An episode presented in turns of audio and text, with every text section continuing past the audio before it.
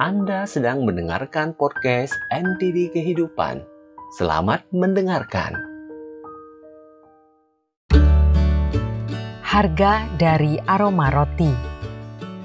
Suatu ketika ada seorang petani yang pulang ke rumah setelah bekerja di ladangnya.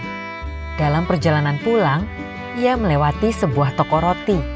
Petani yang merasa lelah dan lapar itu Terhenti langkahnya saat ia menghirup aroma roti segar yang menggoda dari si toko roti. Ia meraih uang di dalam sakunya, namun hanya menemukan beberapa uang logam dan tidak akan cukup untuk membeli sepotong roti. Akhirnya petani malang ini hanya berdiri di sana, menghirup aroma roti dalam-dalam sambil membayangkan ia memakannya.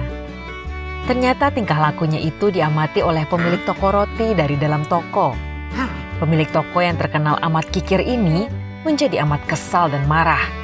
Ia pun menghampiri si petani dan berkata, Eh, petani, aku lihat kamu sudah lama berdiri di depan tokoku ini. Kamu pasti sedang menghirup aroma rotiku, kan? Nah, sayang sekali, aroma rotiku tidak gratis. Ayo bayar. Hah? Si petani menjadi sangat kaget, lalu berkata, Maaf pak, saya hanya mencium aromanya saja. Sama sekali tidak memakan rotimu. Mengapa saya harus bayar? Tapi si pemilik toko roti bersikeras bahwa menghirup aroma rotinya berarti sama dengan memakan rotinya dan petani harus membayar.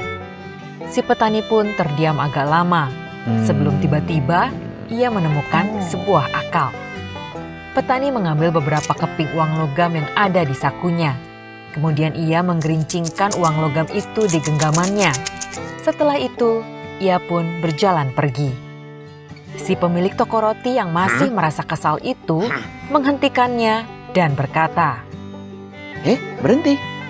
Kamu tidak boleh pergi sebelum membayar." Loh, saya kan sudah membayarnya barusan. Kamu sudah mendengar suara gemerencingan uang logam saya kan? Kalau menghirup aroma rotimu saja dianggap telah memakannya, itu artinya sama kalau kamu telah mendengar suara gemerencingan uang logam saya. Berarti kamu telah menerima uang saya.